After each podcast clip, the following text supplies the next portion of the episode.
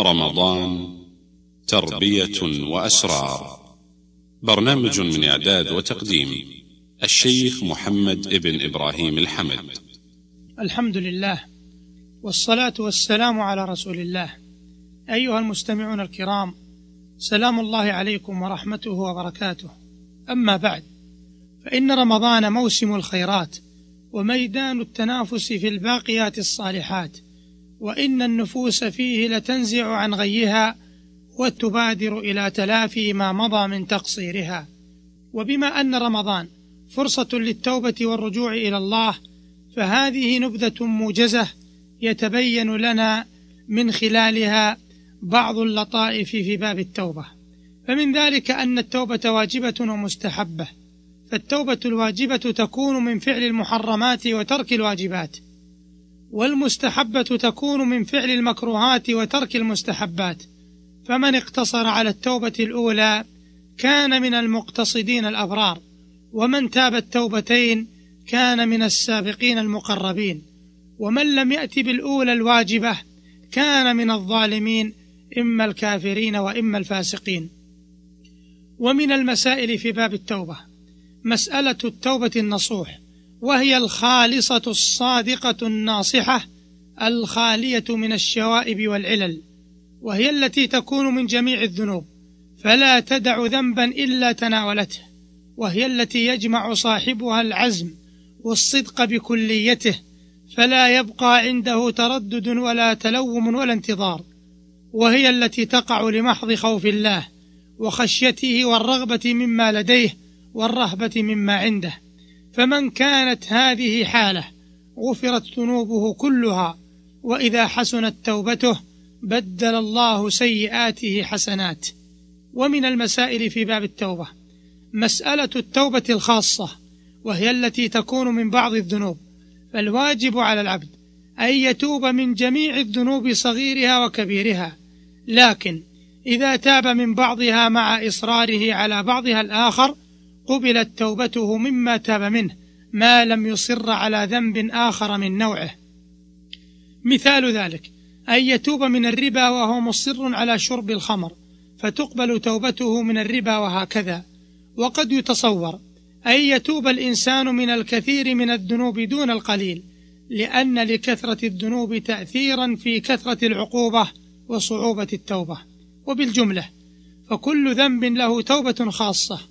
وهي فرض منه لا تتعلق بالتوبة من غيره فهذه هي التوبة الخاصة وحكمها أنها تصح فيما تاب منه شريطة أن يكون التائب باقيا على أصل الإيمان. وسر المسألة أن التوبة تتبعض كالمعصية فيكون تائبا من وجه دون وجه.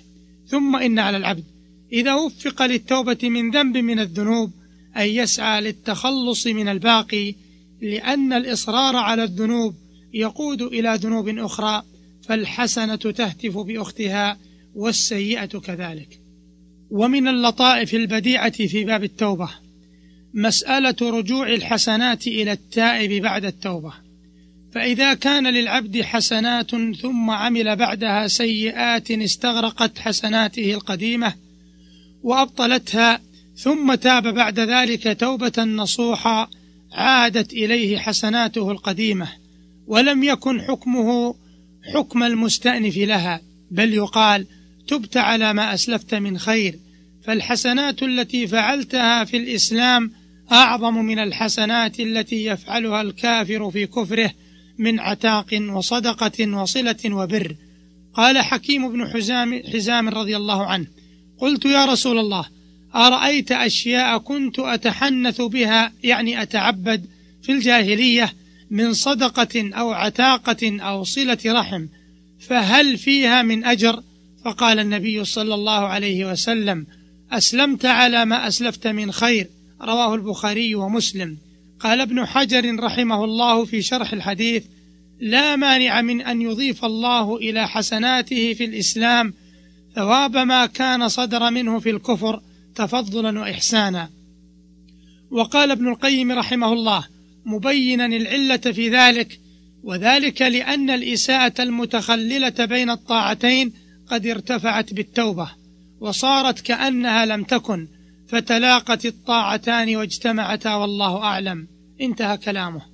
ومن اللطائف في باب التوبة مسألة رجوع التائب إلى حاله ومقامه قبل المعصية.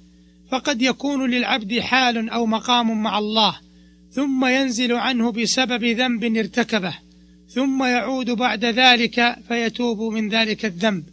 فهل يعود بعد التوبة إلى مثل ما كان أو لا يعود أو يعود إلى أنقص من رتبته أو يعود خيرا مما كان؟ والجواب أن من التائبين من يعود إلى مثل حاله الأولى ومنهم من يعود إلى أكمل من حاله. ومنهم من يعود إلى أنقص مما كان. فإذا كان بعد التوبة خيرا مما كان قبل الخطيئة وأشد حذرا وأعظم تشميرا وأعظم ذلا وخشية وإنابة عاد إلى أرفع مما كان. وإن كان قبل الخطيئة أكمل في هذه الأمور ولم يعد بعد التوبة إليها عاد أنقص مما كان عليه. وإن كان بعد التوبة مثل ما كان قبل الخطيئة رجع إلى منزلته. هذا ما رجحه شيخ الإسلام ابن تيمية رحمه الله. وعلى هذا فإنه ينبغي التفطن لهذه المسألة خصوصا من كان له حال مع الله وكان ذا خشية وعلم وتأله ودعوة ومسارعة إلى الخيرات ونحو ذلك ثم طاف به طائف من الشيطان فأزله وأغواه وطوح به عن قصد السبيل فنزل به عن رتبته السالفة وفقد أنسه بالله ودب إليه الضعف والفتور وترك ما كان يقوم به من خير ودعوة ومسارعة. فهذه مسألة تعتري كثيرا من الناس فيستسلمون لها ويركنون إلى خاطر اليأس ويرضون بالدون فيظنون أنهم لا يمكن أن يرجعوا إلى حالتهم السابقة.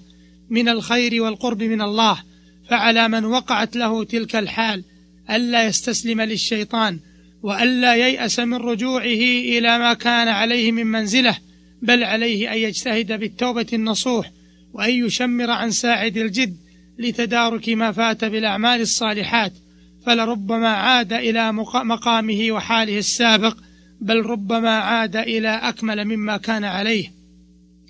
وليس ذلك ببعيد على من كان ذا نفس شريفة وهمة عالية ولا بعد في خير وفي الله مطمع ولا يأس من روح وفي القلب إيمان.